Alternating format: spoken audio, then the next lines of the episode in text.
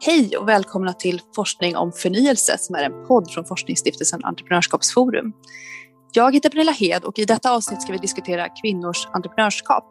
Och därför är det passande att jag har två kollegor, nämligen Pernilla Norlin som är vice vd och kommunikationschef på Entreprenörskapsforum och Per Thulin som är forskare på Entreprenörskapsforum och på KTH som precis denna vecka har utkommit med en rapport som handlar just om kvinnors entreprenörskap. Välkomna Pernilla och Per. Tack så mycket. Tackar. I rapporten som eh, har titeln Kvinnors entreprenörskap, hur jämställt är företagandet? framkommer att kvinnors andel av det totala företagandet i Sverige bara ökat marginellt från 25 procent 1980 till knappt 28 procent 2020. Detta trots att förutsättningar för kvinnors företagande förbättrats över 40 års tid. Och detta är ju lite nedslående siffror får man säga. Eh, vill ni berätta lite om undersökningen och vad som kan ligga bakom att vi fortfarande har så mycket färre företagande kvinnor än män? Ja, det vill vi förstås. Pernilla här, jag vill gärna berätta lite mer och kan säga att vi hade ju span på det här att kvinnors entreprenörskap då är lägre i andel av det totala företagandet i förhållande till män och har så varit alltså över 40 års tid. Eh, som du sa, knappt 28 procent nu 2020, trots att så mycket har hänt. Vi har ju sett att eh, eh, kvinnor sedan 1980 har fått högre utbildning, man har erbjudit betydligt utökade förskole och fritidsmöjligheter. Medvetenheten om kvinnors företagande har ökat markant och policystöd har ju satts in längs vägen. Dessutom har ju eh, privatiserats mycket i vård, skola och omsorg. Och ändå trots det här, dessutom tillkommande rot, eh, snarare rutavdrag, är ju eh, det som berör eh, sektorer där kvinnor ofta är antingen anställda eller företagare så har det inte sett, skett någon utväxling i form av ett ökat relativt företagande bland kvinnor. Och det är förstås nedslående kan tyckas och vi har tyckt att det här kan vara intressant att samla då information och kunskap om vad som, eh, Eh, hur det ser ut och eh, om vi kan titta på vad det är för bakomliggande faktorer till detta och eh, lägga fram potentiella åtgärdsförslag. Och eh, då har vi tur då att vi har eh, möjlighet att använda Global Entrepreneurship Monitor eh, till att göra, ja, titta lite närmare på data där. Vi har även använt SCB-data och lyft fram ett antal Eh, forskningsrapporter längs vägen. Men som sagt, Global Entrepreneurship Monitor har varit eh, eh, väldigt användbart i detta sammanhang och det får gärna Per berätta lite mer om. Så jag lämnar över till ordet till dig Per. Tack så mycket. Ja, mycket av den data som vi använder oss av den kommer ju då från Global Entrepreneurship Monitor eller GEM som vi brukar kalla det för. Och jag tänkte passa på att säga något om GEM, projektet eftersom det är så centralt för, för Pernillas och min studie. Så GEM-undersökningen startades 1999 med tio deltagande länder. Och sedan dess så har man genomfört den här studien årligen.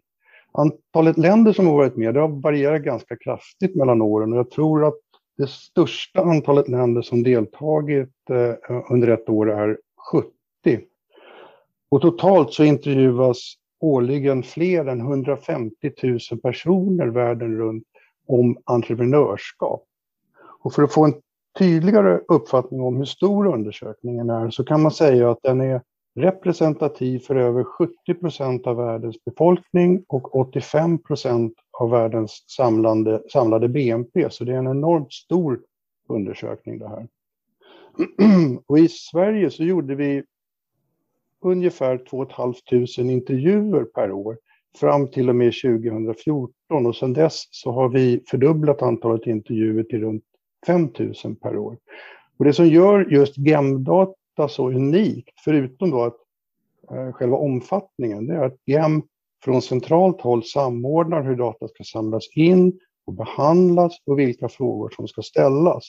Och det här gör att vi får data som är jämförbar mellan länder och över tid. Och det stora antalet observationer gör att vi får relativt hanterbara osäkerhetsspann. Så vi kan faktiskt säga någonting med en någorlunda stor säkerhet när vi använder oss av statistik från GEM. Jag kan väl passa på att nämna att nästa svenska GEM-rapport kommer väl här i, på vårkanten. Det stämmer, den kommer någon gång i, vi planerat det någon gång i maj.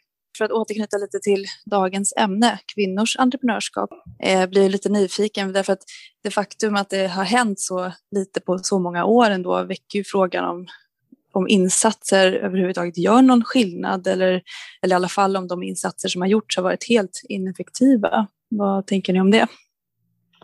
Jag kan ju börja berätta kanske om eh, att, vad vi ser att kvinnor är verksamma.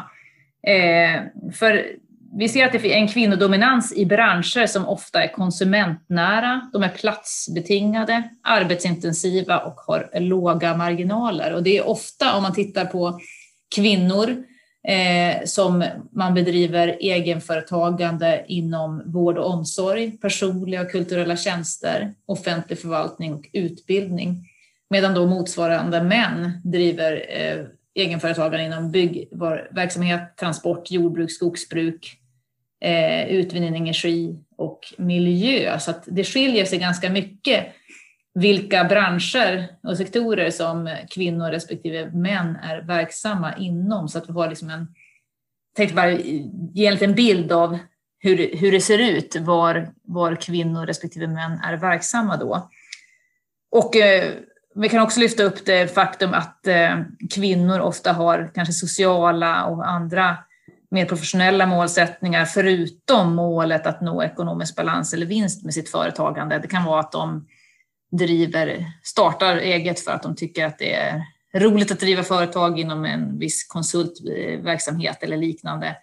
Och 2015 var det sju av tio kvinnor som var just egenföretagande. Motsvarande andel bland män är 56 procent. Så det är oftare man driver företag solo Eh, kvinnor har inte heller lika stor tendens att vilja eh, växa eh, i antal anställda och eh, det är också så att eh, man, man eh, är mer riskavärt och litar inte heller till sina egna entreprenör, sin egen entreprenörsförmåga. Så att det, det skiljer, det är vissa för, för, ja, skillnader mellan både motiv till eh, entreprenörskap och var man är verksam som påverkar. Och då eh, naturligtvis har ju det eh, följdeffekter i liksom, vilka insatser som man kan göra och eh, vad de ger för effekt. Du frågar om politiska insatser har varit ineffektiva. Mm. Uh, och vi vet att, uh, vi vet ju som du sa tidigare då att andelen av det totala entreprenörskapet och företagandet som kvinnor står för, det har vuxit och växer väldigt långsamt. Men om vi istället tittar på hur stor andel av populationen som ägnar sig åt entreprenörskap så ser vi hur det växer för både kvinnor och män. Så för kvinnor, där ser vi till exempel hur entreprenörskapet har vuxit från strax över 2% i början av 00-talet, jag tror man säger så, 00-talet, eh, till närmare 6% 2019 och det är ju faktiskt nästan en tredubbling. Och vi ser motsvarande trend upp uppåt för entreprenörskapet för män, eh, fast då inte lika starkt som för kvinnor. Så att säga att det är ineffektivt, ja, entreprenörskapet generellt sett, det har ju faktiskt utvecklats ganska starkt i Sverige sedan GEM-projektet startades. Men i och med att vi ser en ökning både bland män och bland kvinnor så har andelen av det totala entreprenörskapet som kvinnor står för inte utvecklats lika starkt. Och det är därför vi ser en ganska långsam ökning där. och sen frågar om insatserna har varit ineffektiva och det, det är inte så lätt att svara på för vi vet ju faktiskt inte hur det hade sett ut om man inte hade gjort något.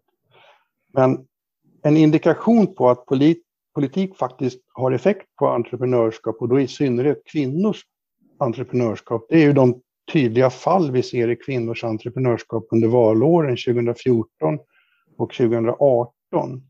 Under båda de här valrörelserna så diskuterades det om vinster i välfärdssektorn, om de skulle regleras eller förbjudas. Och det här skapade förstås en väldig osäkerhet för de som planerade att starta företag i välfärdssektorn. Och det här, vi vet att den här sektorn är, är kvinnodominerad när det gäller företagande. och vi misstänker därför att den politiska diskussionen om vinster i välfärd bidrog till att andelen entreprenörer bland kvinnor föll med närmare 40 procent 2014 och runt 30 procent 2018. Så politik spelar roll och jag skulle inte gå så långt och säga att de är ineffektiva, de politiska åtgärderna som har genomförts. Jag kan tillägga där att det finns en eh, bred akademisk litteratur kring det här begreppet eh, occupational choice, där man tittar på eh, hur man väljer om man ska vara anställd eller bli entreprenör. Och där lyfter man fram liksom sammanfattningsvis kanske eh, just det där med att Eh, kvinnor har en högre rädsla för misslyckande, mindre självsäkerhet på vad gäller entreprenörsförmågan och man, också att man har där olika sociala nätverk som man rör sig i. Så att, visst kan det ha en, eh, en effekt också. Ni nämner ju även förebilder kan ha en positiv effekt. Vad, vilken roll kan ni, tänker ni att förebilder spelar för kvinnors entreprenörskap? Ja, det är väl det här mycket att man ska se, se att andra eh, har föregått eh, en själv och att det finns, eh, ja men som tar ner det kanske lite grann närmare sin egen verksamhet, att man känner att ja, men det här borde jag också kunna klara av. Eh, och eh, det finns ju ett nätverk som heter Nätverket 17 eh, och där är, ingår ett gäng kvinnliga entreprenörer som då omsätter 50 miljoner om året och de försöker verka som förebilder och visa att man kan växa sitt företag då och skala upp. Och eh, idén är väl att inspirera andra att också göra detsamma. Eh, och eh, då får man liksom mer en bild på att det finns ett antal kvinnor som faktiskt eh, är så här lyckosamma och eh, det här borde man, borde fler också kunna följa efter i spåren. Så det är klart att det är viktigt och eh, det är även så viktigt att man kanske får testa själv. Eh, UF-företagande, ung företagsamhet, har ju också visat sig vara lyckosamt och studier följer kring detta och visar att eh, har man väl testat under sin skoltid så är det lättare eller större chans att man då eh, startar ett företag senare i livet. Ehm, ett annat intressant resultat som ni tar upp är att kvinnor som är entreprenörer faktiskt rapporterar ett högre välmående än kvinnor som är anställda. anställda. Vad beror det på? Det kan jag, jag kanske inte kan svara på det, men jag kan, kan börja med att säga någonting om det. Eh, det är riktigt och jag tycker att det är ganska intressant. Kvinnor förefaller generellt sett att vara lyckligare än män. Så ser det ut i Sverige och så ser det ut i nästan alla andra länder som vi har tillgång till data för. Och vi ser samma mönster i både rika och fattiga länder och det förefaller att vara ett generellt mönster globalt sett.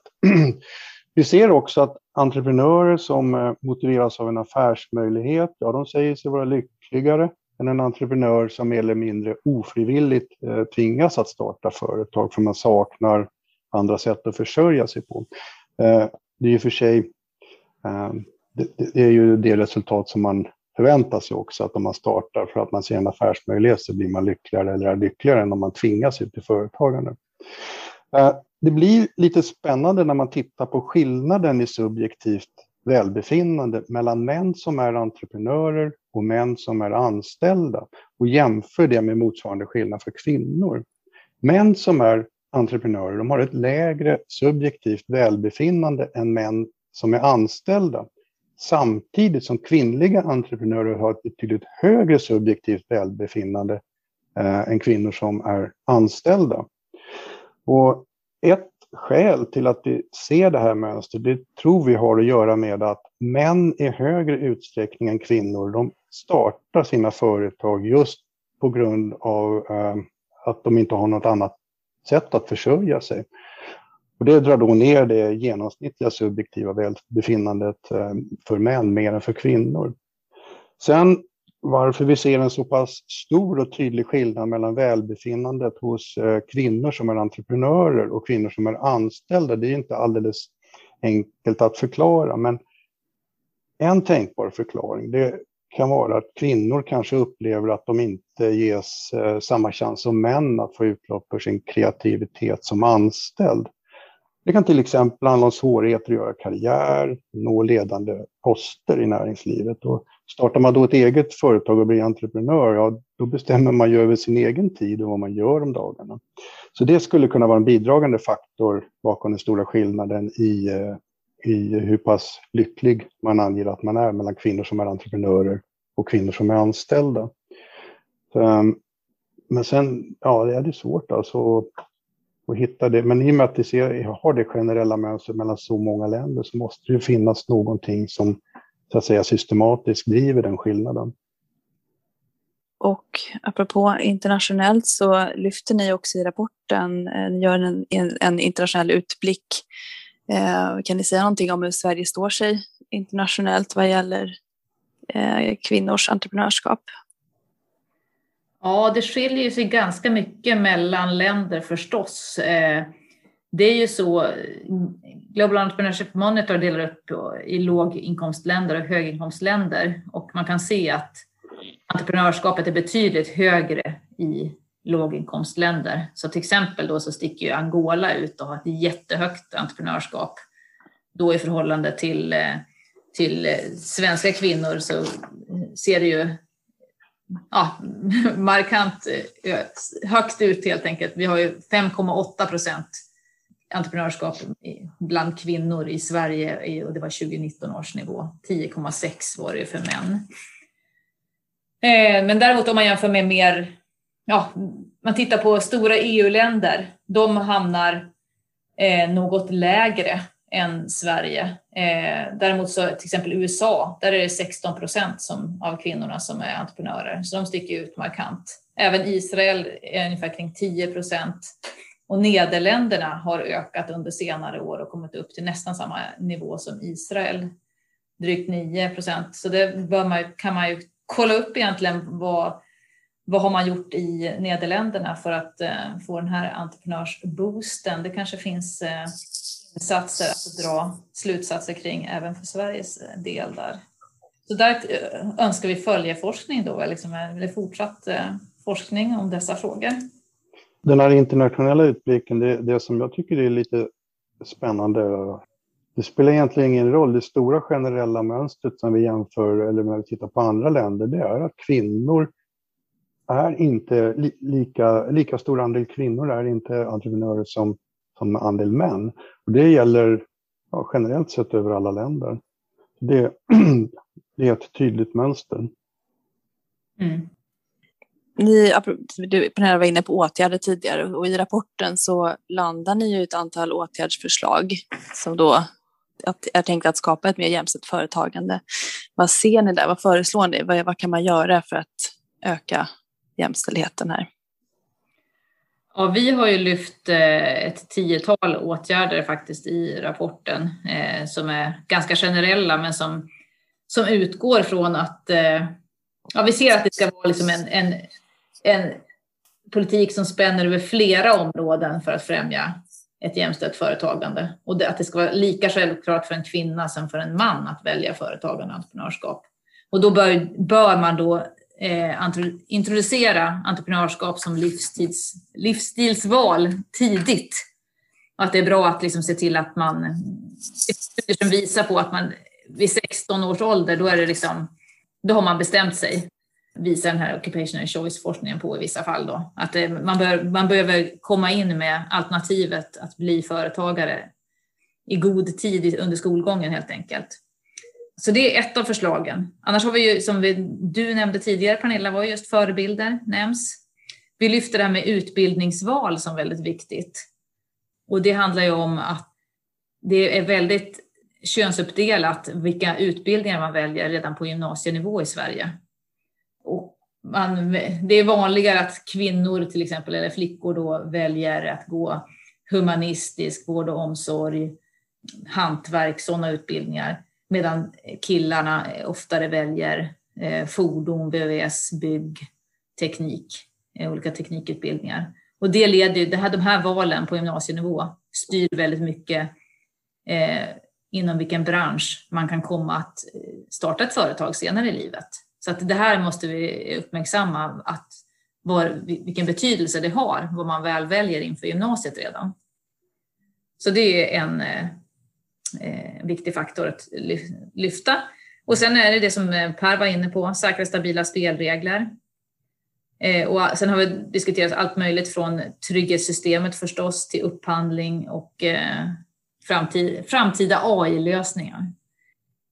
Om vi nu tittar på utbildningssidan, finns det något, något, har ni några konkreta förslag på eh, insatser eller åtgärder som man skulle kunna göra för att kanske lyfta företagande som mer attraktivt för flickor eller kvinnor?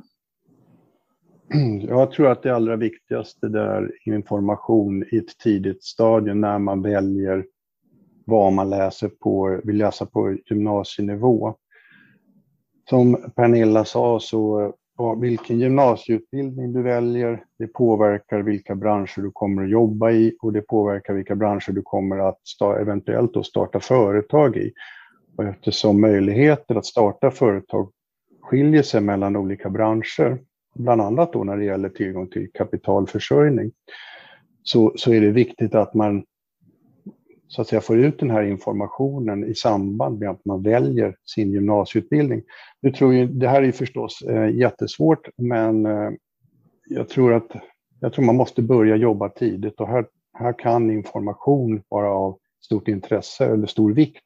Så att de val som görs inför gymnasiet, det, är, det blir mer informerade val.